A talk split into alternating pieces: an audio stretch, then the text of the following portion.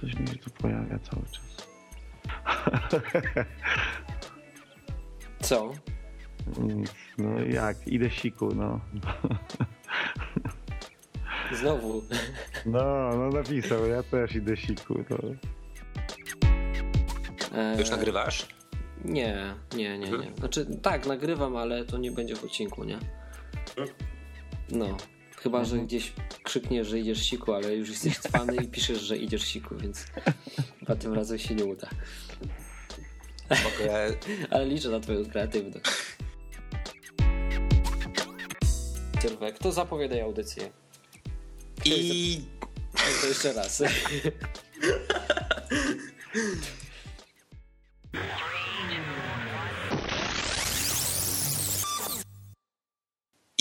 dzień dobry, dobry wieczór, siema, cześć i czołem, drodzy słuchacze odwyku. Witamy Was w audycji, w której uczestniczą Teraz Tomku powinieneś się przedstawić. Tomek. I Hubert. I, I Jurek. Owsiak.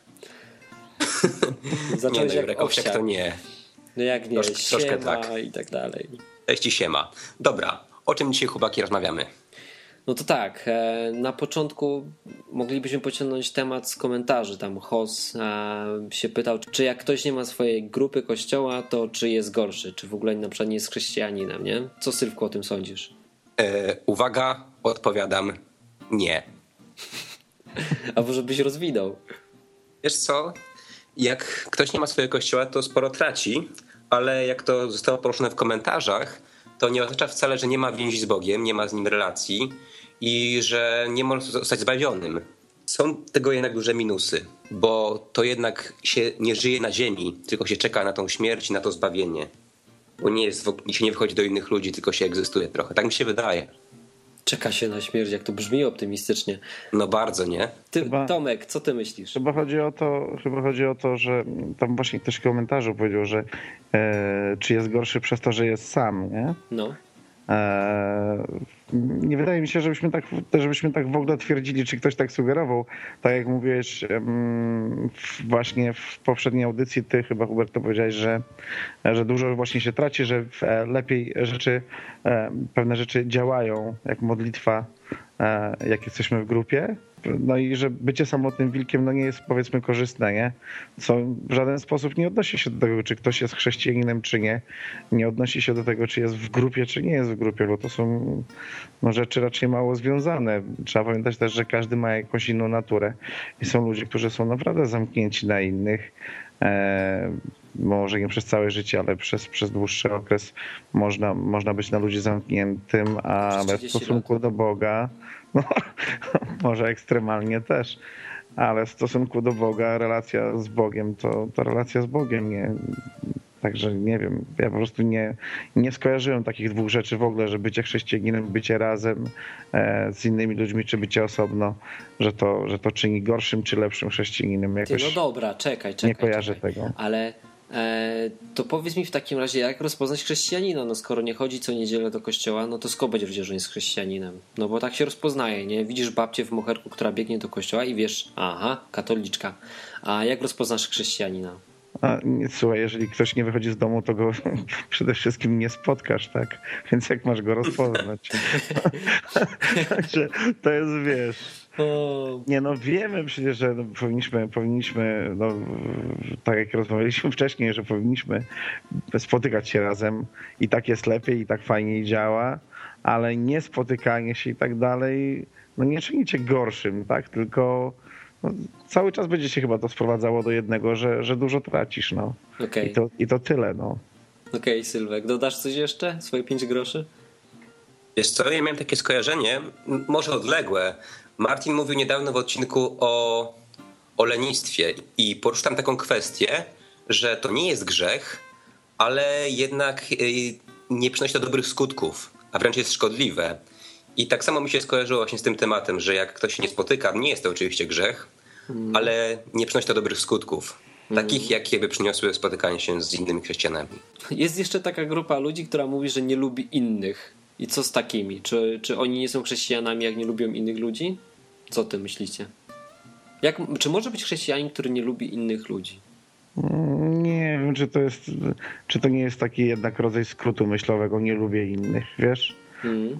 Może się raczej, raczej, raczej to niesie za sobą, że nie lubisz się powiedzmy z innymi spotykać, że czujesz się może niepewnie tam, w, w, wiesz, w większej grupie czy coś, a w, gdyby naprawdę szczerze nie lubić innych, e, no to nie wiem, ciężko by było być chrześcijaninem. Ja myślę, że to jest, to jest tylko skrót myślowy bardziej, wiesz?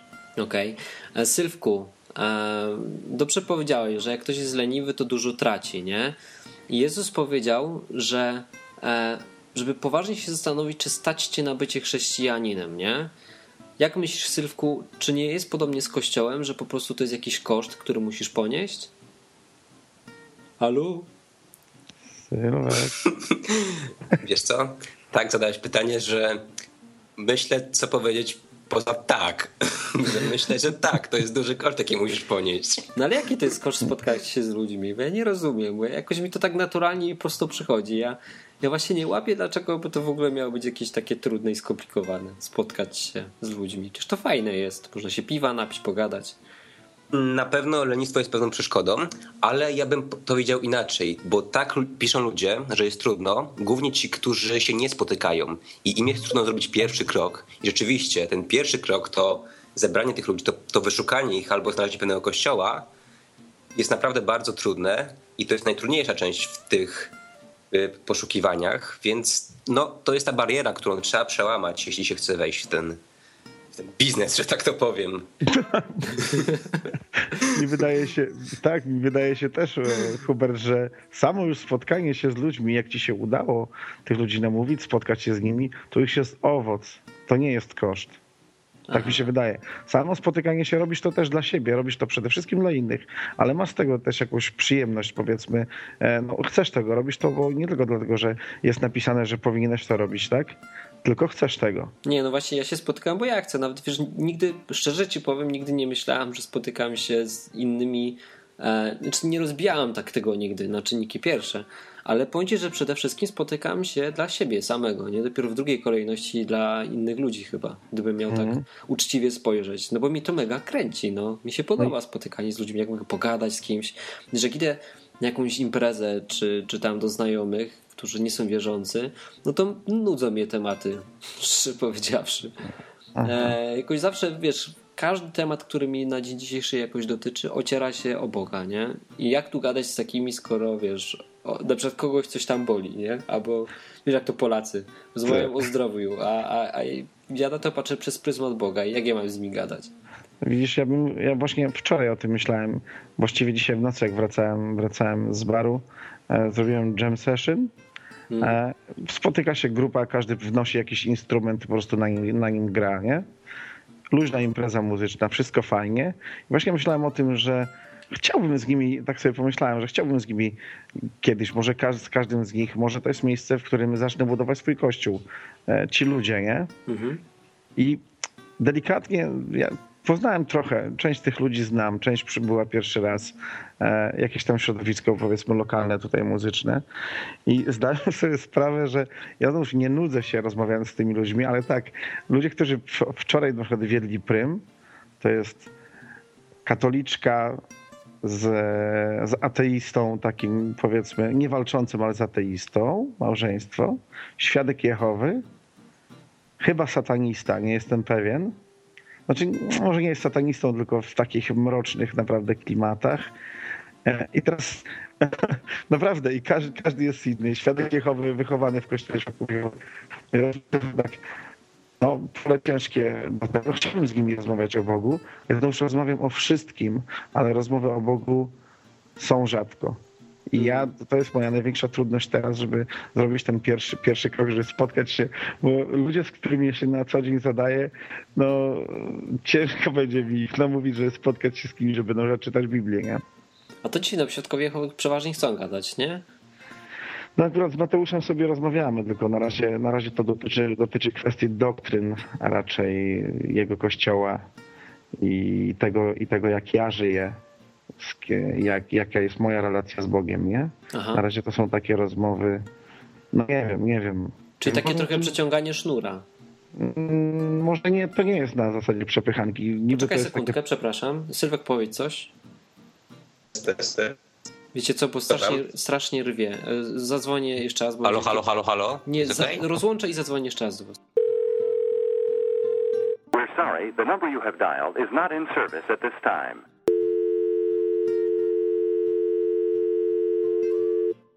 Okej, y, na czym stanęliśmy? Gadałeś tam... Stanęliśmy, Ale stanęliśmy... ja się rozgadałem tu strasznie. Nie no, nawijaj. No. Nie ma, nie ma sprawy. E, no, wracając do tego świadka Jehowy, to nie jest, tam rozmawiamy o tych, powiedzmy, o moim kościele, którego jeszcze, jeszcze nie mam e, i o, o tym jego kościele, w którym on się wychował. Nie jest jakaś tam przepychanka, tylko niby rozmawiamy, jak, jak przechodzi do tematu jakiegoś spornego. Na razie to jest takie, aha, aha, wiesz, a u mnie jest tak, nie? No, a według mnie jest tak. I nie udowadniamy sobie nic. Zastanawiam się, czy zaczynam powolutku budować kościół, czy wyjdzie z tego, czy nie, ale w, no, mówię, w środowisku, w którym ja się obracam, no i to będzie trudne. Chyba wolałbym z samymi katolikami, wiecie. Chyba ja byłoby wiem. łatwiej. Tak mi się wydaje, że autentycznie. Mi się wydaje, że z katolikiem e, wyciągniesz pismo, przeczytasz mu 10 przykazań, to musi zrobić jakieś wrażenie. Rozumiesz? A jak rozmawiasz z ateistą, który jest z rodziny ateistów, i jeszcze siedzi w jakichś powiedzmy mrocznych klimatach, nie zrobisz na niego wrażenia, na nim wrażenia dziesięcioma przykazaniami, rozumiesz? Mhm.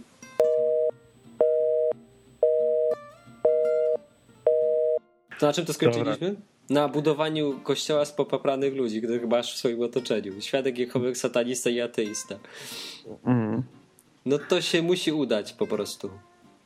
To się nie może nie udać. Bo, Mówisz, że mam duże szanse. tak, wydaje mi się, że Rozmawialiśmy o tym, rozmawialiśmy chyba o tym tak naprawdę, ile możesz poświęcić, nie? Ile z siebie dać.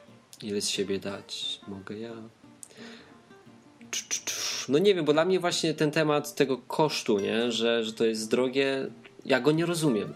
Po prostu mm, może faktycznie dlatego, że ja już mam, nie? I, i zbudowanie tego inaczej. Powiem w ten sposób. Dwa lata temu, jak szukałem, no to faktycznie trochę się nachodziłem za tym. I trochę czasu na tym spędziłem szukając. Więc faktycznie właśnie. coś tym może być, nie? Czy możesz, Hubert, powiedzieć, jakie były pierwsze kroki? Możesz opowiedzieć o tym, jak, jak ci się udało? No pewnie, że tak. E, Na początku, no jak to zwykle bywa, zacząłem zwiedzać, zwiedzać kościoły i co przychodziłem do któregoś, to wydawało mi się, że to jest ten. Teraz to już znalazłem kościół, nie? No, no przeważnie kończyło się po pewnym czasie tak, e, że ze względu na to, że ci ludzie sztywno trzymali się doktryny, to przestawali mnie lubić. O co mi chodzi? No bo ja mam takie podejście, że żeby do czegoś dojść, nie? A wywodzimy się wszyscy tutaj w większości wypadków z kościoła katolickiego. Ja też niby nie chodziłem do kościoła katolickiego, ale on miał na mnie duży wpływ poprzez kulturę, która, która mnie otacza. I mam bardzo dużo jakichś negatywnych naleciałości, nie? Bardzo często, tak jak na przykład robiłem quiz świąteczny, to robiłem go też dla siebie, żeby zobaczyć, jakie informacje o Bogu mam z Biblii, a które pochodzą tak naprawdę z popkultury. Mm. I z przerażeniem patrzyłem, że bardzo duża część pochodzi z popkultury jednak, nie? I dopiero dzisiaj, tam po trzech latach, kiedy jestem chrześcijaninem, to mogę powiedzieć, że już jest zdecydowanie lepiej, ale na początku było mi bardzo trudno. Jak trafiałem do takiego kościoła i zacząłem zadawać pytania, to przeważnie, jeżeli moje wnioski były inne niż ich, nie? Weźmy na to, że czy trzeba płacić podatki, nie? Jako przedsiębiorca, jak się nawracałem, pamiętam, że miałem z tym przeogromny problem, bo do którego kościoła bym nie trafił, to mówiono mi, że musisz płacić wszystkie podatki, nie? Gdybym je wszystkie płacił, to po prostu mój biznes by zbankrutował momentalnie. E, I nie wiedziałem, co z tym zrobić. Z jednej strony chciałem być fair wobec Boga, z drugiej strony też nie chciałem robić głupich rzeczy, nie? I nie umiałem sobie na to pytanie odpowiedzieć. E, I zagłębiając się w Biblię, na przykład dochodziłem do innych wniosków, nie? Bardzo często. E, I czy to źle? Wydaje mi się, że nie, ponieważ naszym zadaniem jest postawienie jakiejś tezy i może być ona nawet odważna i błędna. I skonfrontować tą tezę z Biblią i albo ona przetrwa próbę czasu y, i argumentów, albo się obali. To jest naukowe podejście, nie? Może być też religijne, Czyli przychodzisz do danej grupy i zaczynasz krakać tak jak ona, nie? Czyli jesteś wśród wron, kraczesz tak jak ona, czyli wyznajesz te same poglądy. To jest doktryna. Ja bardzo się tego bałem, bo bałem się, że znowu będzie to samo, co z Kościołem katolickim, nie? że oni będą mieć na mnie duży wpływ, ja tak naprawdę nie będę tego weryfikował, sprawdzał, tylko będę szedł na łatwiznę nie? i na przykład będę płacił podatki, a niekoniecznie tego Bóg może ode mnie oczekuje. Nie? No, mhm. to takie miałem problemy i przeważnie kończyło się tak, że albo mnie nie chcieli ochrzcić. Pamiętam, że bardzo długo nikt mnie nie chciał ochrzcić, bo na przykład nie chciałem się zapisać do danego kościoła. No nie chciałem się zapisać, bo gdybym się zapisał, to podpisywałbym się pod, całą, pod całymi tymi ich wierzeniami, a bardzo często się nie zgadzałem z nimi, nie? A przynajmniej chciałem mieć, nawet nie, nie miałem takiego problemu, że oni się mylą, nie? To nie chodzi o to, tylko ja chciałem mieć jakby czas na weryfikację tych poglądów, a oni ode mnie wymagali, żebym ja od razu jakby je wyznawał, nie? I tu był chyba problem największy. I tak sobie chodziłem od kościoła do kościoła, naprawdę było ich dużo. Tam od baptystycznych, jakichś zielonoświątkowych, po jakieś na takie grupy, które obchodziły e, szabaty, że spotykali no. się e, tacy Żydzi mesjanistyczni i, i, i tam obchodzili szabat. I to było nawet fajne, tylko że tam też było bardzo tej takiej dużo religijności, tylko że żydowskiej, nie? Więc tak naprawdę nie dużo się to różniło od kościoła katolickiego, no tylko schiza w inną stronę. E, I tak naprawdę pierwszym takim kościołem, który odnalazłem, takim prawdziwym, prawdziwym, to był odwyk camp. To było takie pierwsze spotkanie z normalnością dla mnie osobiście. E, I to był szok, nie? że może przyjechać 25 osób, wszyscy wierzą w tego samego Boga, e, a pomimo to, że są jakieś między nami różnice, możemy swobodnie o tym rozmawiać i nikt na nikogo nie krzyczy i nikt się na nikogo nie obraża, nie? No, i to było super. No i potem się zaraziłem i wiedziałem, że już tak e, chcę, żeby wyglądał mój kościół, nie? Czyli taka właśnie wolność, nie? Że e, możliwość podejmowania samodzielnych decyzji, a nie, że jakiś pastor czy ktoś podejmuje tą decyzję za ciebie. No i taka grupa u mnie się stworzyła teraz i jest, działa, nie? Tylko to też było tak, że to byli e, jakby wyselekcjonowani ludzie, nie? Że e, z tych wszystkich jakichś tam grup, które poznawałem ludzi, były jakieś osoby, które myślały podobnie jak ja, nie? I wraz z tymi ludźmi po czasie, faktycznie to był jakiś wysiłek i trud, e, udało się stworzyć coś takiego, nie? Fajnie. I właśnie mam takie wrażenie, że po raz kolejny omijasz setno odpowiedzi do sprawy całej. No to, nie, Pierwszy to może nie zrozumiałem pytania. Pierwsze spotkanie. Pierwsze spotkanie. Pierwsze spotkanie. Powiedz, jak wyglądało pierwsze spotkanie? Pierwsze spotkanie. Jak do niego doszło? Eee, ale to jeszcze byłem ateistą, co ciekawe. Pierwsze spotkanie z kościołem, który dzisiaj mam, było kiedy byłem jeszcze ateistą. Miałem dwie grupy takie, z którymi się spotykam na, na żywo.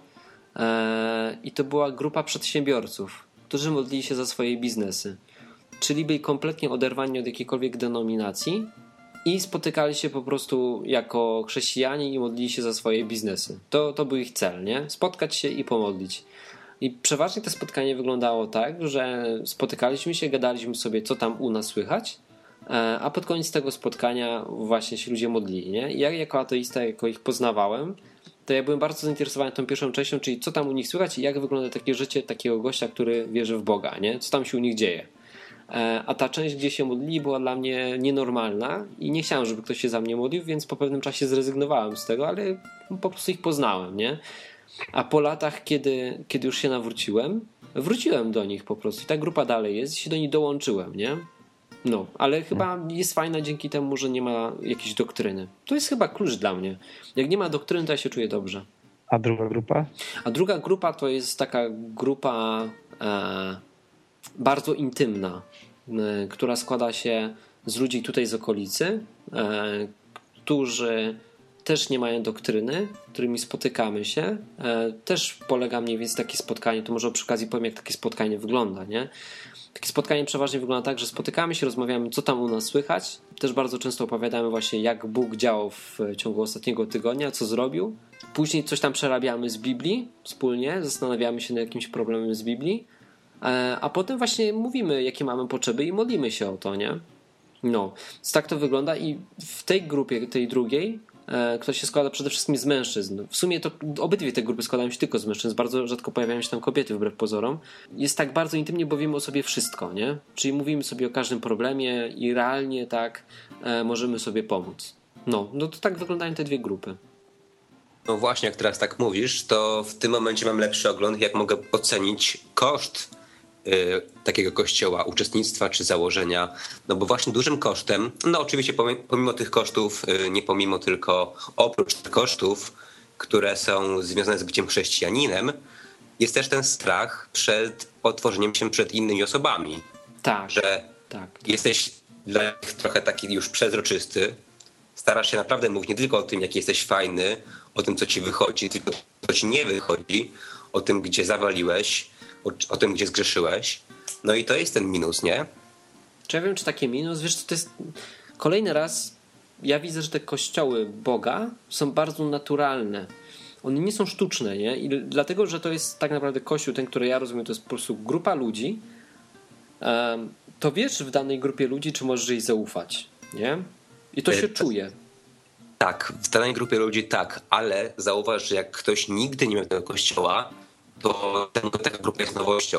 I on zawsze w jakiejś grupie kogoś udawał. Jak był w szkole, kogoś tam udawał, był w kościele kogoś innego udawał, był tam y, w domu, kogoś innego udawał, a na imprezie był kimś innym. A tutaj ma być po prostu samym sobą. I być może to jest taka sytuacja, w której on jeszcze w życiu nie był. I to jest ten strach, strach przed innością, bo to jest coś nowego. Oczywiście, jak już tam jesteś w tej grupie po pewnym czasie, staje się to normalne i nawet fajne, bo możesz się przed nimi otworzyć, wygadać i to ci bardzo pasuje, ale na początku właśnie jest ciężko, nie? No, ja bym to nazwał ściągnąć maskę, nie? Tak, tak, dokładnie. No. A Syl, Tomek, co myślisz? Dla mnie... Umiałbyś się przed kimś tak otworzyć?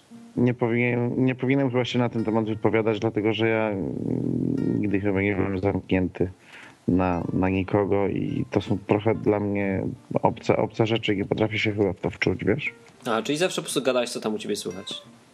To znaczy, każdy ma coś, co, z, czego, z czego się powiedzmy łatwo nie wysypie przed drugą osobą, nie? No ale jeżeli chodzi o kontaktowość i takie rzeczy, o, o relacje z innymi ludźmi, ja po prostu nie miałem z tym nigdy problemu i to jest dla mnie trochę obce. ale potrafiłbyś być tak szczery, bo tutaj nie mówimy teraz o kontaktach, nie? tylko o tej szczerości. Potrafiłbyś ściągnąć maskę? To jest koszt, nie? Ściągnąć maskę, że faktycznie w takiej grupie musisz być szczery, no bo jak na przykład macie się pomodlić jakiś twój problem, nawet najbardziej intymny, jeżeli ty, wiesz, udajesz kogoś, kim nie jesteś. Nie wiem, czy bym potrafił, powiem ci szczerze. No. Naprawdę. Naprawdę. Ja na przykład na Odykampie no jestem, jestem, jestem sobą, rzeczywiście czułem się sobą normalnie i tak dalej. Było, było w porządku normalnie. Nie, wiesz, przede wszystkim nie czuję się takiej presji żadnej, nie? Tak naprawdę. Mhm. E, jesteśmy różnymi ludźmi z różnych środowisk, z różnych miejsc.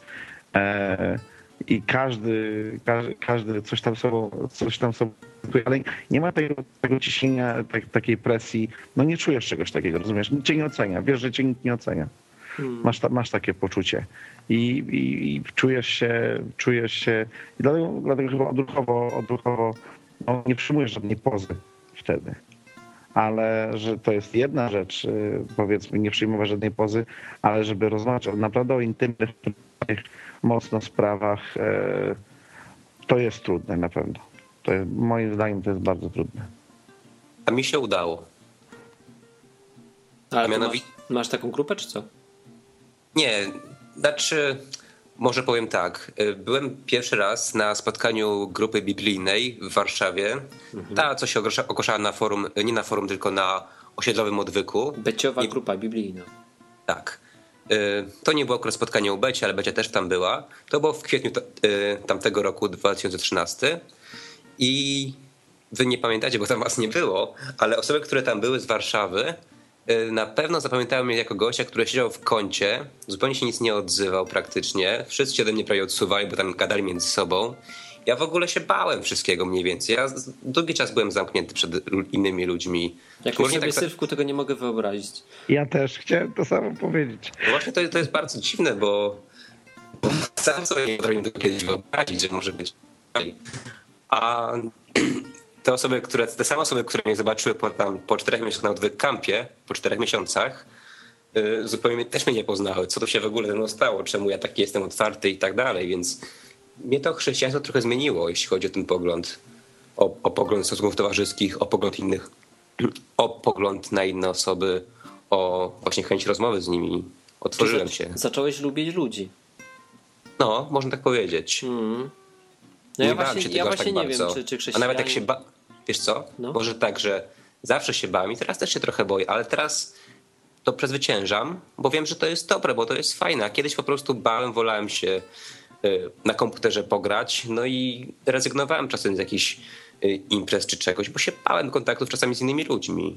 No, ja wam powiem, że zresztą to też świetnie widać na przykładzie Martina, nie? Martin kiedyś zahukany chłopak, który e, no, odstawał od społeczeństwa.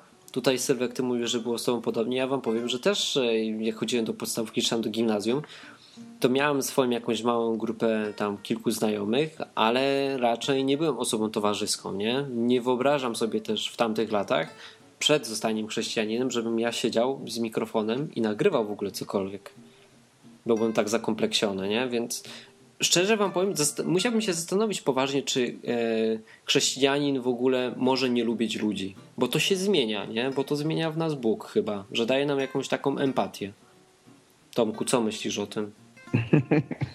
Nie wiem, e, sorry, e, trochę się roz, roz, rozstroiłem przez chwilę. Masz, Nie, masz ja empatię zostałem- teraz większą do ludzi? E, ja mam większą tolerancję, powiedzmy. Ja się naprawdę to, co zawdzięczam chrześcijaństwu, to prze- przede wszystkim tolerancja, wiesz? Okej. Ja, no ja mam stosunek do ludzi e, różny do różnych ludzi naprawdę, e, ale pozbyłem się mnóstwa uprzedzeń, powiem w ten sposób. Jak zobaczyłem ludzi na, zobaczyłem ludzi na odwyk kampie, zobaczyłem was wszystkich, na początku autentycznie, moje pierwsze odczucie, ja powiedziałem do Dorki, mówię, wiesz co, kurczę, chyba nie chce mi się tu być. Autentycznie. To było pierwszego dnia, ja powiedziałem, że Mm, nie chce mi się chyba tu być. Rozumiesz? Po A prostu miałem, miałem autentycznie. No. Miałem, miałem takie wrażenie, że po prostu no, nie wiem, że jestem trochę z innej bajki, że ja po prostu na co dzień mam do czynienia powiedzmy z, z, powiedzmy z innymi ludźmi. Mhm. Nie wiem, jak to powiedzieć. Nie, że mi się zadarło z nie wiadomo kim, to nie o to chodzi. Tylko może z racji pracy i wszystkiego obracam się w, w, w takim towarzystwie nie innym. I jakoś, jakoś na początku mówię, no taki, wiesz, większość takich typ studenciaków, nie? Mhm. Studenciaki, no co ja tu będę z nimi robił, nie? Dorka mówi, weź, mówi, przestań, bo ty jak zwykle reagujesz, wiesz, z mentalnością kibica, nie? Na wszystko. No. Tak Czekaj. sobie właśnie wyobraziłem twoich znajomych, wiesz, Zła... u- motocykle jak- i łysa Nie, fryzurka. no, to, no powiedzmy, że no, no obojętnie, tak czy owak. Eee, odczekałem chyba ze 3-4 godziny w takiej totalnej niepewności, taka się rozmowa, będziemy makaron gotować, coś, myślę, nie tam, Boże, co ja tu będę robił. Eee, I to było chyba ostatnie takie uprzedzenie, jakiego się pozbyłem, autentycznie. Eee, Później zrozumiałem, to było śmieszne. Później moja reakcja, mówię, nie wiem, dla, później zastanawiałem się przez długi czas, dlaczego na początku tak zareagowałem, nie? Bo bardzo wszystkich polubiłem i, i później już, no że ja, jak jadę na zlot motocyklowy, nie? Mhm. Ja wjeżdżam tam jak na swoje podwórko, czy ten zlot jest na południu Polski, na północy, czy znam tych ludzi, czy nie znam. Wjeżdża się jak do siebie na podwórko zawsze, nie? Mhm. Czuję się zawsze jak u siebie. Eee, a na odwyk kampie potrzebowałem jakiegoś czasu, żeby teraz już drugi odwyk kamp, no, no dobra, jak u siebie. No zresztą byłem u siebie trochę. No to było u ciebie w domu, więc wiesz, Bo to dało było w domu, w którym kiedyś mieszkałem przez Czyli kilka spodobało miesięcy. ci się tak bardzo, że, że postanowiłeś zrobić swój odwyk camp. No to Dorka, Dorka, Dorka tak naprawdę to wymyśliła. Ale ja jeszcze cały czas chcę wrócić do kwestii nagrywania audycji. Mhm. E, bo jedno, co zawdzięczam, poz, pozbyłem się wielu uprzedzeń, jeżeli chodzi o, o, o wiele rzeczy. Pozbyłem się wielu uprzedzeń, ale jeżeli chodzi o koszt, o podnoszenie kosztu i o zdobywanie się na pewne rzeczy, to to, że nagrywam z wami audycję, dla mnie to jest wielkie coś, naprawdę. Ja jak słuchałem, e, zacząłem słuchać odwyku, zacząłem słuchać Martina, później ciebie, Hubercie. e, Ja wiele razy powtarzałem e, do Dorci, że naprawdę ich podziwiam. Mówię, kurczę, ja bym tak nie mógł. Siedzą gościowie, siedzą, nagrywają to, słucha tego jakaś, jakaś grupa ludzi, nie? Jest duża odpowiedzialność, możesz tam, nie wiem, panąć jakąś głupotę, ktoś coś napisze, rozumiesz? Że ta presja, to wszystko, mówię, wygadani, mówię, no fajnie, mówię, ale przecież e, też poznałem drogę, drogę Martina, e, od czego do czego doszedł i zawsze mówię, że no ja bym się nigdy na coś takiego nie zdobył, nie? To jest po prostu coś nie do przeskoczenia. To jest coś, czego nigdy nie zrobię, nie? A jak się czujecie właśnie chłopacy w roli nadających? Zrobimy taki off-top trochę, ale Bardzo przyjemne doświadczenie. Mi się podoba. W ogóle przypomnijmy, że słuchacie Odwyku, podcastu o Bogu po ludzku. I to jest audycja z serii y, Tomek, Hubert oraz Sylwek. I mówimy o kościołach, o grupkach. ta, no, no, no, no, fajnie, A fajnie. Tomku, jak się czujesz w tej Jakbyśmy roli? nadawali jeszcze online, to faktycznie może ktoś by nie wiedział, czego słucha, bo by włączył w tym momencie. Ale jak ktoś to pobiera z dysku, to chyba wie. Tak. Może zapomniał. Jakby, jakbyś drugi słuchaczu zapomniał, że słuchasz tego, jak masz takie luki w pamięci, to już nie pij więcej po prostu, albo nie pal tego, zmień dealera, bo ci szkodzi. Albo Ale na wszelki połowę. wypadek, albo bierz połowę, podziel się z bliźnim. No. O właśnie, podziel się z nami, dofinansujcie nas. Dużo pieniędzy. O, po prostu wymiękam, wymiękam. Tak. E, dobra, dobra, o czym my to w ogóle rozmawialiśmy? Ja zapomniałem już. O koszcie, o, O koszcie. kościoła. Wstąpienie do kościoła, chodzenie do kościoła i A. tworzenie, bycie w tej grupie. Dobra, właśnie. Rozmawialiśmy o tym, czy, czy chrześcijanin faktycznie może nie lubić ludzi, nie? I jak widać to, a może powiedzmy inaczej sobie szczerze, że to chyba Duch Święty sprawia, nie? Że się zaczyna lubić tych ludzi, innych. E, stajesz się nagle osobą otwartą na świat. No bo coś w tym jest, no. Martin, e, ja, Sylwek, no Tomek, ty może nie, ty się nie liczysz, bo ty byłeś barmanem. To, to ciebie trzeba wykluczyć. No ale cała reszta ekipy, no to to się zgadza, no. Tak, mi się wydaje, że to może być dzieło Ducha Świętego. Naprawdę też widzę po sobie duże zmiany. Nie tylko właśnie tą jedną zmianę, tylko wiele zbiegów, zbiegów okoliczności się stało. I nie mogę sobie tego inaczej wytłumaczyć, jak kilkanaście przypadków pod rząd.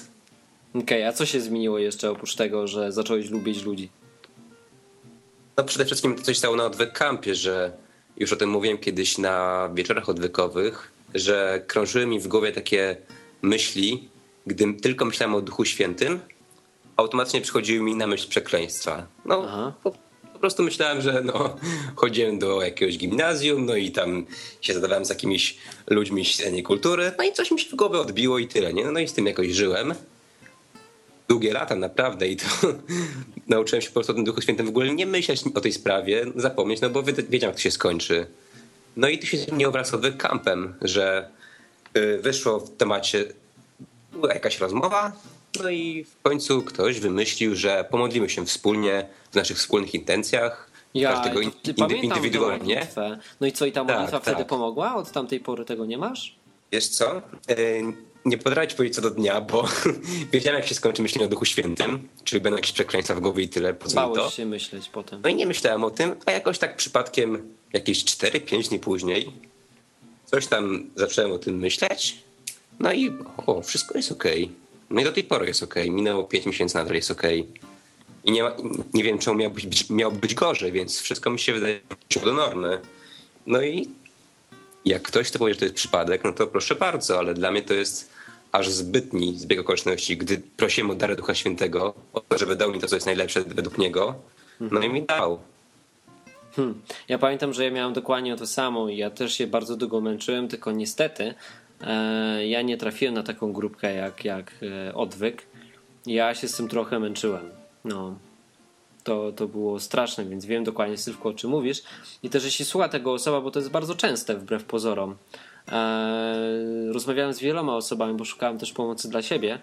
Jeżeli słucha tego osoba, która ma coś takiego, że na przykład tam przeklina właśnie w myślach, jak, jak zaczyna czytać Biblię czy coś, to e, w ogóle się tym nie przejmuj. Po prostu się tym nie przejmuj, bo to nie robisz ty e, i Bóg o tym wie. E, to nie jest twoja wola, tylko to jest zwyczajnie szatan, nie? który wiesz, ma taką możliwość, żeby podpowiadać jakby, nie? Podsuwać ci myśli, ale dopóki tego nie wypowiadasz ustami, nie jesteś za to odpowiedzialny, nie? Więc ja pamiętam, że sobie wyrywałem włosy z głowy, tym bardziej, że potem jeszcze przeczytałem, że kto przeknie Ducha Świętego, ten nie ma szans na zbawienie już w ogóle. No właśnie o to chodzi. Szatan zna Biblię, nie? I wie dokładnie, jak ją wykorzystać na swoją korzyść. No i wykorzystuje właśnie w ten sposób. Zna ten fragment, wie, że... Ja pamiętam, że ja w ogóle pojawiło się to u mnie dokładnie w momencie, kiedy usłyszałem ten fragment. Nie? Wcześniej tego w ogóle nie miałem, pojawił się ten fragment i z automatu pojawiły mi się bluźniercze myśli. Gdzie Ty, ogóle... wiesz, że u mnie też? No. Tylko powiem ci, powiem, jaki był background. Background był taki, że byłem przez długi, długi czas, ponad 10 lat, ministrantem w kościele katolickim i czytałem to zambony na czytaniu i potem się to pojawiło. Tak się kończy bycie ministrantem. Taki czar, czarny humor. Znaczy mniej więcej, jakoś tego nie jestem do końca pewny, ale naprawdę bardzo zbieżny czas. No, więc ja wam powiem... I to, i to było długi czas Nie, temu, ale jeśli ktoś tego słucha, no to właśnie Sylwek e, powiedział jaki zna to sposób, jakie rozwiązanie. E, pomóżcie się sami, jeśli to nie pomoże, znajdźcie grupę ludzi, która, która się z wami pomodli i to powinno zadziałać, nie? To powinno zadziałać, bo dlaczego Jezus miałby wam w tym nie pomóc? E, ale przede wszystkim nie dajcie się szatanowi, bo on będzie wam wciskał, że to jest wasza wina, nie? że to wy to robicie, żebyście mieli poczucie winy i żebyście stracili relację z Bogiem. Nie? Chłopaki, bo mówisz, że cię stać na to, żeby być w kościele, żeby tę grupę współtworzyć i uczestniczyć w niej.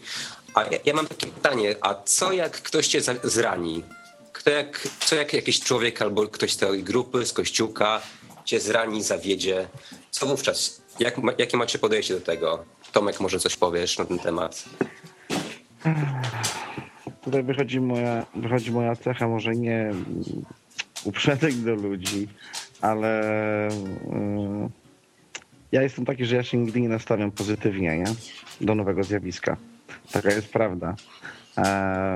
Może przez to, że podejmuję dużo, powiedzmy, jakichś tam przedsięwzięć, organizuję tam rzeczy i 80% e, w pewien sposób mogłoby, mogłoby mnie złamać i, i mówi, że nie, nie, nie rób już dość, wiesz, mogłoby mnie złamać. Ja teraz jestem nastawiony tak na przykładzie tego jam session, które robię, nie? Schodzą się ludzie. Przyszło na pierwszy jam session 20 osób i ktoś do mnie mówi, a trochę mało ludzi, nie? Ja mówię, jak mało ludzi? Ja byłem nastawiony na trzy. Hmm. Bo te trzy wiedziałem, że przyjdą. Ja taki jestem, ja nastawiam się na trzy osoby. Mnie ciężko, e, nie wiem, zranić, załamać, czy, czy zawieść moje zaufanie, bo ja zaufanie do ludzi mam mocno ograniczone. Jeżeli ktoś dla mnie mówi zrobię, czy będę, czy nie wiem, cokolwiek, to jeżeli to zrobi i będzie, to jest w porządku. Jeżeli nie, mało mnie zdziwi, więc no ciężko mi powiedzieć, co by było, gdyby ktoś mnie zranił, nie? I czy Aha, mnie ciężko zastosować, bo ja się nie nastawiam. Okay, łapię. Nastawiam się w ten sposób. Czyli po prostu zawsze zakładasz czarny scenariusz i najwyżej się pozytywnie zaskoczysz, ale się, nigdy, nigdy, nigdy nie masz takiego czegoś, że się rozczarujesz. Znaczy nie wiem, czy nigdy, bo czasami ludzie potrafią zawieść i każdy, każdy z nas może mieć kogoś takiego, na kogo bardzo mocno liczył i ja mam kogoś dla mnie bardzo bliskiego, kto mnie, kto mnie naprawdę zawiódł. Nie w kwestii, to nie było kwestii kościoła akurat, tylko życie, powiedzmy, w kwestii życia prywatnego. Przeżywam to do tej pory w jakiś sposób, bo zawiodłem się bardzo mocno. Eee, radzę sobie z tym, jak radzę, ale żebym miał zaufanie do wszystkich i zawiodła mnie jedna osoba, można wtedy rozważać, czy, czy stracisz zaufanie do wszystkich, ale ja tak naprawdę wszystkim nie ufam i nie liczę na wszystkich, więc jedna osoba... No ale to mówisz teraz, Tomku, o, o ludziach takich, że tak powiem, spoza kościoła, nie? Czyli tak z tak, życia tak. na co dzień. No jako praktyk, jako osoba, która długo, długo już e, ma te, te, swoje dwa kościoły, czasami to jest tak naprawdę jeden, nie? tylko są dwie oddzielne grupy, to powiem wam, że nie spotkałem się z czymś takim. Na przykład bardzo, bardzo często są osoby, które mają, wiadomo, jakiś tam bardziej silny charakter, nie? Wiadomo, że jak jest osoba o jakimś e, silnym charakterze, to czasami między dwoma osobami o silnym charakterze pojawiają się jakieś zgrzyty, nie? Grunt tak naprawdę to to, żeby e, umieć to załatwić. I powiem wam, że Jezus na przykład powiedział, żeby wybaczać, nie? Jak się ma te podejście takie, żeby po prostu wybaczyć, wyciągnąć wnioski i iść dalej, no to tak naprawdę nic się nie dzieje, nie? Bo to nie są przeważnie jakieś takie poważne sprawy, tylko to są jakieś pierdoły, nie? Czyli wynikające tak naprawdę z nieporozumień, z tego, że ludzie często nie umieją komunikować tego, czego chcą od drugiej strony. Sylwek? Wiesz co, ja nie, ja nie mam takiej grupy, jeśli chodzi o coś, co byśmy nazwali kościołem. E, I tak samo w tej grupie biblijnej warszawskiej, co się spotykaliśmy w ramach odwyku Y, też mi nikt, tak, nikt nie zawiódł w ogóle. a wręcz przeciwnie, wszyscy mi pomagali, więc też się nie wypowiem na ten temat. No cóż mogę powiedzieć, no jedno życie jest życiem i nawet w Biblii jest napisane, że wielokrotnie te kościoły skręcały w różne strony, tak, że różne osoby tam występowały z różnymi charakterami, z różną, z różną naturą. I to się też naprawdę różnie kończyło i te konflikty jednak trzeba umieć rozwiązywać, a czasem może być rzeczywiście efektem tego rozpad kościoła czy podział, ale sądzę, że to małe konflikty jednak da się rozwiązać i też nie warto od razu wszystkiego burzyć za jedno drobne nieporozumienie. Tak mi się wydaje. O, jako przykład mogę podać, bo tak sobie staram teraz przypomnieć jakieś sytuacje, nie? Pojechaliśmy z Martinem na wyprawę do Włoch. Wydaje mi się, że mogę o tym powiedzieć, bo to, to no tutaj Martin nadaje też, więc nie ma, jest, jest znaną osobą, więc łatwo przywołać przykład. Wiedzieliśmy od samego początku, że będzie to bardzo trudna wyprawa, nie? Jechaliśmy w 8 osób jednym samochodem 5000 km, więc jakieś napięcia musiały się pojawić na tak małej przestrzeni przez tak długi okres czasu. I oczywiście się pojawiły, nie? I kiedy wracaliśmy, byliśmy już tak zmęczeni tą całą sytuacją, tym wszystkim, bo ta wyprawa była naprawdę męcząca. To nie były wakacje, tylko wyprawa, nie? Powiedzmy sobie szczerze, to była duża przygoda, że pod koniec tylko i wyłącznie od naszej dobrej woli, od tego, że chcemy działać dalej, nie? że chowamy swoją dumę do kieszeni. tak naprawdę zależy to, czy będziemy z kimś potem gadać, czy nie. Gdybym miał taką standardową postawę, nie? typu taką, że ktoś mi coś zrobi, to się na niego obrażam i koniec, foch, no to powiem wam, że dzisiaj na przykład bym nie nadawał w odwyku, nie? Bo po prostu nie miałbym takiej możliwości. I w drugą stronę Martin tak samo. E, mógłby powiedzieć Hubert, nie będziesz tu nadawał, ponieważ e, były jakieś napięcia między nami. W kościele zawsze się pojawiają napięcia, jeśli są trudne sytuacje i to jest normalne. Grunt to to, żeby umieć wyciągnąć z tego wnioski na przyszłość i iść dalej, nie? Do przodu, żeby się czegoś nauczyć, no bo błędy będziemy popełniali zawsze. Na pewno pojawią się jakieś problemy, bo będziemy popełniali błędy. Jeśli będziemy się bali błędów, to nic nie zrobimy. Więc to nie ma sensu się tak bać na zapas. No ja bym szedł do przodu, jeśli pojawia się problem, jakiś błąd z naszej strony czy z czyjejś, e, wybaczyć, zapomnieć i iść dalej. No. Tylko wyciągnąć wnioski, żeby ich w kółko nie powtarzać, bo to jest głupota, nie? Na pewno drugi raz na wyprawę w 8 osób bym nie pojechał, tylko pojechałbym w 6. O, to jest mój wniosek. Czyli nie zabrał już Martina i kogo jeszcze? Dobra. Nie, Mar Martina mógłbym zabrać, sorry. ale, ale też bym inaczej to zaplanował. Dobra, wygrałeś. No dobra, jak ktoś na przykład hipotetycznie Hubert no. albo Tomek, bo teraz mówisz Hubert, to dam Tomkowi pytanie. Tomku, jesteś sobie w kościele i tam ktoś cię okradł. Gdzieś idziesz do domu, gdzieś się spotykacie, no i ci zginął portfel, komórka, raz, drugi. No i co, jak się czujesz? Dlatego to już sobie w ogóle nie jestem w stanie wyobrazić. To no jest jakieś już tak, jak w kościele miał ci ktoś ukraść. Zbytnie abstrakt, tak? No, no nie wiem, no takie rzeczy się raczej nie dzieją. No chyba, że przychodzi ktoś, kto jest niewierzący i po prostu korzysta, wiesz, z naiwności ludzi, nie? No ale to nie jest bardziej problem kościoła, tylko ludzi z zewnątrz, no, że, wy, że przyszedł i wykorzystał sytuację. Ale tu mówimy o takich kościołach dużych, nie? To tam się takie sytuacje mogą pojawić, ale jak grupa jest mała, i komuś by coś zginęło, a pojawiła się jedna nowa osoba, bo tak przeważnie jest w takich małych grupach, no to wiadomo, kto to zrobił, nie? Mi się wydaje, że na ktoś miał przyjechać na odwyk camp, czy, czy pójść na spotkanie takiej grupy domowej po to, żeby coś zajumać, to już musiałby naprawdę mieć coś z deklam. No to nie ten klimat, no jakoś nie wyobrażam sobie po prostu. Trzeba by było być jakąś, nie już chyba silną perwersję mieć y, po prostu w jakimś zamiarze, żeby, żeby coś takiego zrobić. Też właśnie jak rozmawiacie o tym, jak ktoś zrobi sobie krzywdę czy coś, nie mogę sobie wyobrazić yy, jaką tak naprawdę. Hmm. W takiej no grupie można zrobić krzywdę drugiej osobie. Ja wam powiem, że się tak pewnie czuję w takiej grupie, że jak byłem Tomku u ciebie, to ja przez trzy dni samochodu nie zamykałem, no bo po co? Mm. No ja też, taka prawda. No, nie, nie widzę specjalnie potrzeby, żeby e, w takiej grupie w ogóle czegokolwiek pilnować, nie? Typu tam mieliśmy przecież namioty, przyjeżdżały całkowicie nowe osoby, z którymi nigdy się wcześniej nie widzieliśmy jakoś jest takie to jest znowu na czuja. No. Ktoś, kto nigdy tego nie doświadczał, no to nie wie i może mu się wydawać, że a jak to będzie, nie? Ale jak się przyjeżdża w takie miejsce, to nie zastanawiasz się o tym, nie, nie myślisz o tym, czy ktoś ci coś może ukraść, nie? nie ma takiej w ogóle możliwości. Tak naprawdę się wyklucza. Telefony leżą, ładują się. E, nie wiem, samochody są potwierane, namioty są niepilnowane i nikt się tym kompletnie nie przejmuje. To jest właśnie coś, y, o czym. I to tak jak mówisz, że to jest na czuja, to jest właśnie różnica, jak, y, jak ktoś mnie pyta, ja zawsze mówię, że wolę zloty motocyklowe od koncertów, nie? Mhm. Takich, takich powiedzmy dwudniowych. Dlaczego? Dlatego, że jak budzę się po koncercie rano, niby bawiłem się super, ale rano zawsze ktoś szuka, chodzi i mówi, ktoś mi ukradł glany, nie? Mhm. To spotkałem kilka razy, albo kurtkę. A na zlocie motocyklowym rano ktoś wychodzi na scenę, bierze mikrofon i zaczyna czytać z kartki. Znaleziono kurtkę, kask, buty, to, tamto, rozumiesz? Nic nie ginie.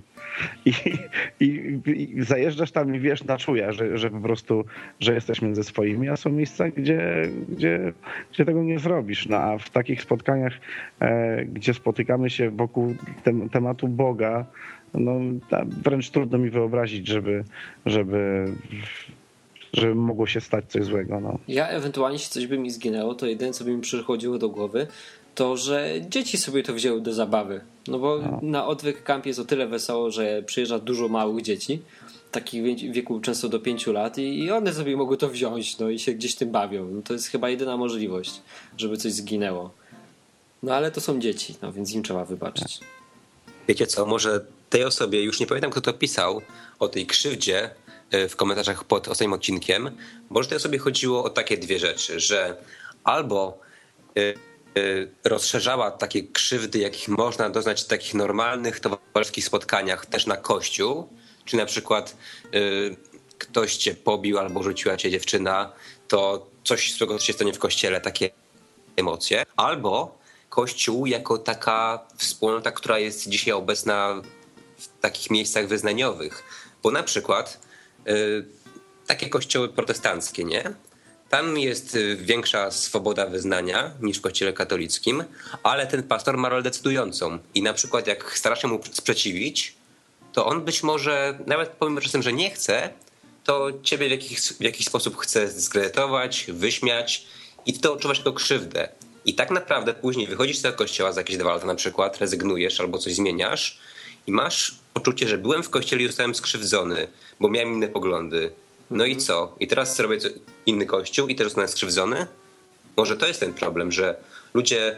Yy, bo my też mówimy o jakimś idealnym kościele, prawda? Nie każdy go ma, ty na przykład Hubert masz, ja jeszcze nie mam. I ludzie przenoszą swoje uczucia z innych miejsc na coś, co być może przeczuwają, że się stanie w nowym miejscu. I Czasami może tak być, bo rzeczywiście te nowe miejsca mogą nie być kościołami, tylko jakimiś takimi skupiskami towarzyskimi, które się różnie mogą skończyć. No ale warto jednak dążyć do tego, żeby to się skończyło fajnie i szło to w fajną stronę. Słuchajcie, wam powiem nawet więcej, tak teraz cały czas analizuję, co jest tak e, chyba kluczem do, e, czy takie kluczowe cechy idealnego kościoła, nie?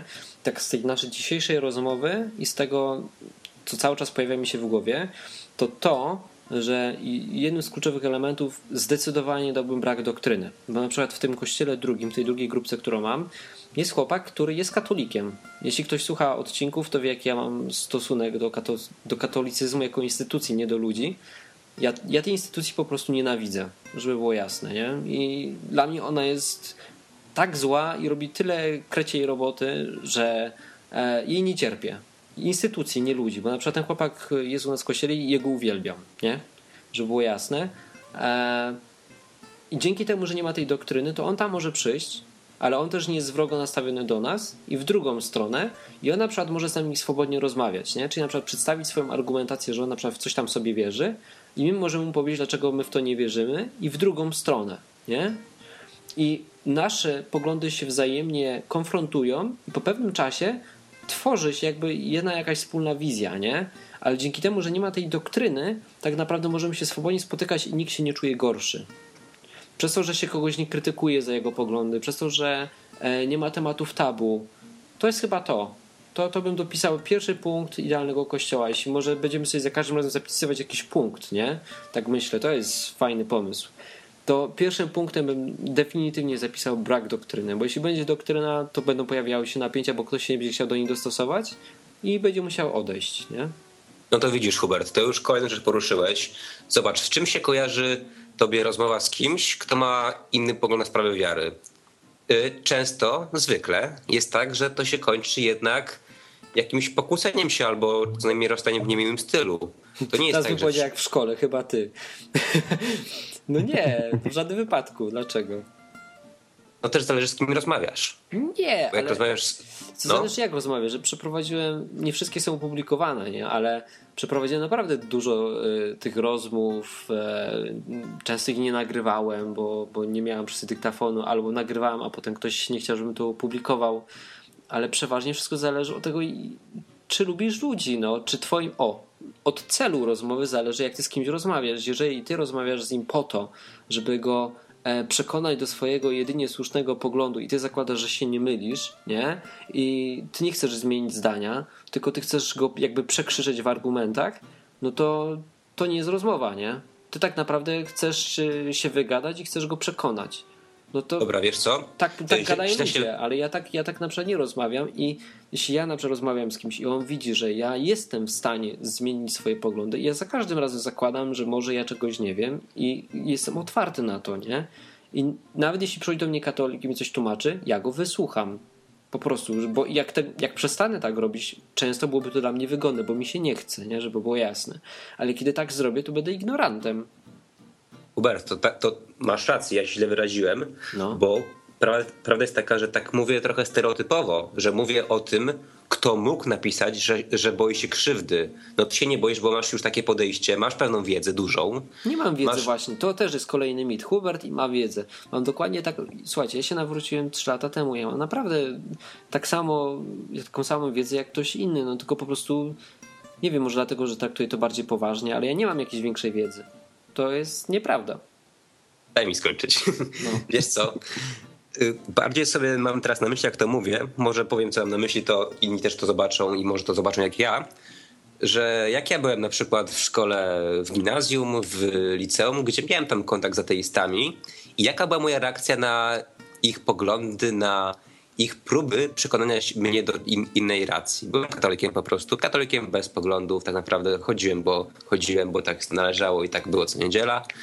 No i tak się to kręciło.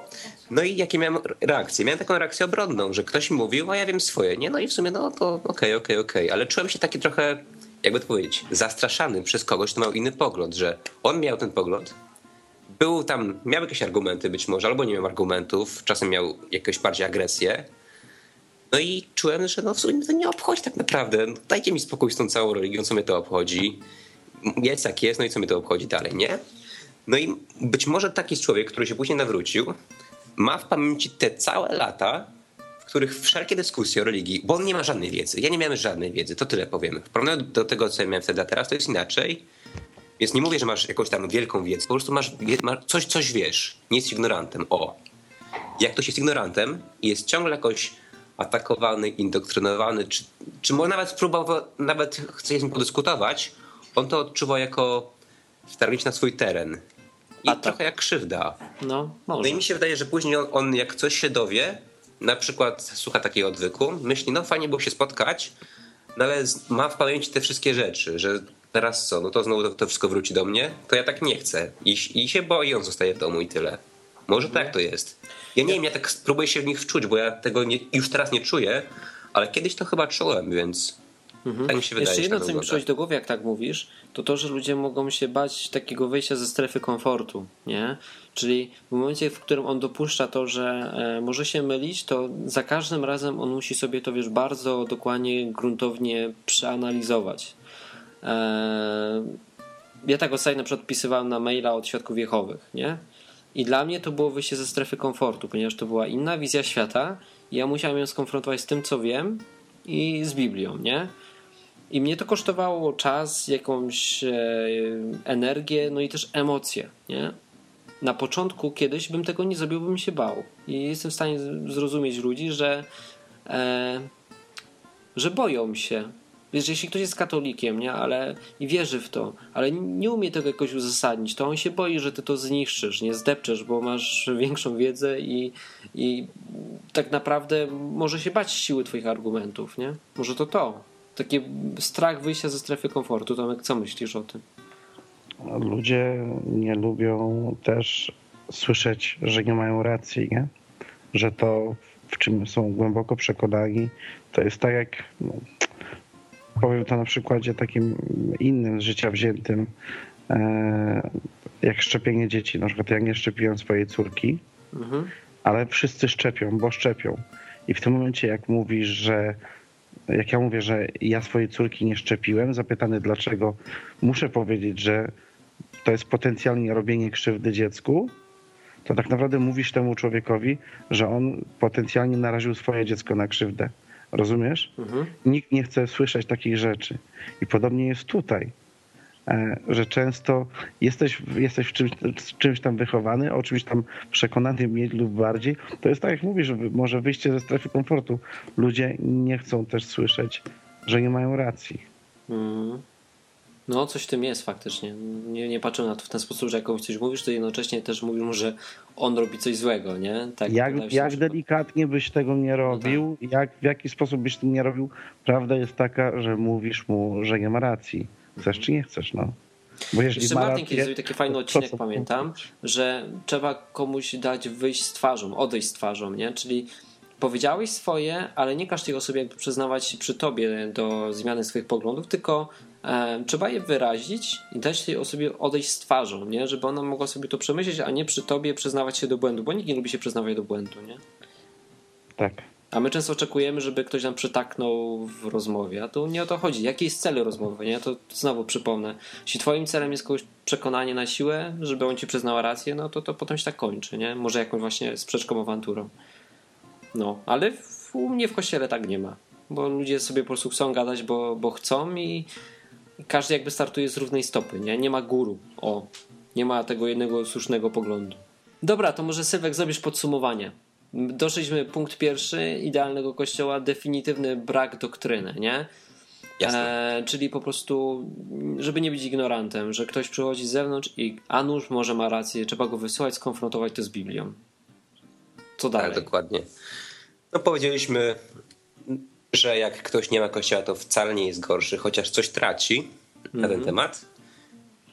No i gadaliśmy, czy cię stać na to, żeby, żeby w tym kościele być, żeby się przyłożyć do jego rozrostu, okay, żeby, czyli co żeby się ujawnić. Czyli co ryzykujemy? Koszt to takie, koszt jest taki, że trzeba przede wszystkim być szczerym, nie? Czasami kogoś na to nie stać, ale to też nie jest od razu, tylko to jest po czasie, nie? to jest takie naturalne, więc tak naprawdę czy ten koszt jest taki duży, Sylwku? Tomku, myślicie, że jest duży realnie? Chyba nie, chyba nie aż Wiesz tak. co, Hubert, ja może nawet przesadzam, ale jako chrześcijanie oddajemy swoje życie Jezusowi, ale jako wspólnota tak naprawdę też tracimy swoją prywatność pełną na rzecz innych osób, dobrowolnie. No tak. Więc to też jest jakieś wyzwanie, ryzyko. Okej, okay, czyli prywatność jest kosztem. Dobra. I co jak ktoś cię zranił, nie? To Tomek, może ty podsumuj. Nie, proszę. Właśnie Tomek, Tomek mówił, Tomek mówił, że go prawie nikt nie zranił, ale znaczy nie, nie ma takiego poczucia. Co jak cię ktoś zranił? No cóż, życie jest życiem, nic nie zmienisz. Tomka się nie da zranić, ale tak naprawdę trzeba wybaczyć i iść tak, dalej do przodu. Tak. Nie? Emocje są emocjami, ale cóż, życie idzie dalej, trzeba sobie z tym poradzić. Nie ma innej razy, że po prostu trzeba i rusz się, wyjdź. Dobra. Ktoś dalej zrani. Takie jest życie. Nie ma co się... Nie ma co mówić, że jest inaczej, no bo nie jest. Takie jest życie i się nie ukryje przed tym życiem, bo pójście w ideały jakieś nie zmieni tego jakaś rzeczywistość. Okej, okay, chłopaki, no to Mogę krótko... jeszcze a, pro, a propos tego zranienia jednak się wypowiem, wiecie? Aha. Że e, prawda jest taka, że czy w kościele, czy poza kościołem każdemu z nas się to zdarza, tak? Ale trzeba pamiętać, że mamy kogoś e, za swoimi plecami cały czas. Kogoś, kto nam pomaga wstawać też. Mhm. Dobry no, ojciec to nie jest ten, który nie pozwoli ci się przewrócić. Dobry ojciec to jest ten, który pomoże ci wstać. Albo nauczycie chodzić w końcu. Tak. Dobra, chłopaki, no to co? Drugi odcinek stał się faktem, pomimo jakichś problemów technicznych, e, kompletnego niewyspania Tomka, udało się. Udało się, no i co? Do usłyszenia za dwa tygodnie, nie? Tak, czy się udało, to się okaże. Jak to zmontuję. Cześć. Tak. Dzięki wielkie, cześć. Cześć, trzymajcie się.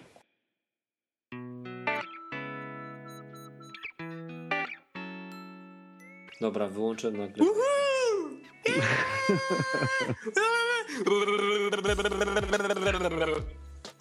Aż żałuję, że wyłączyłem nagrywanie. Ej, nie wyłączyłem. Dobra, Dobra, e, wróćmy do tematu czekaj, kościoła. To chyba Tomek rwie. Ja bym to mógł nagrać, ale kurczę, nie Włącz- robiłem włącz tego nigdy. Ja? Ty, wiesz, że nie wiem, czy mam włączone. No to wyłącz, bo to może to. Hubert, ale nagrywasz normalnie, tak? Wszystko jest Tak, okej. ja nagrywam, no tylko wiesz, no. Masz torenty włączone. Torenty. Ty, możliwe, że coś tam chodziło w tle. Nie, nie wiem. No dobra. No teraz się nie rwie, Tomku. Sorry, chłopaki. No to wyłączaj torenty przed nagraniami. Czy tu siostrzeniec u mnie na kąpie siedzi cały Aha, czas. To nie ja. To nie ja. Mm, i, I się wydało. Przynajmniej są bloopersy.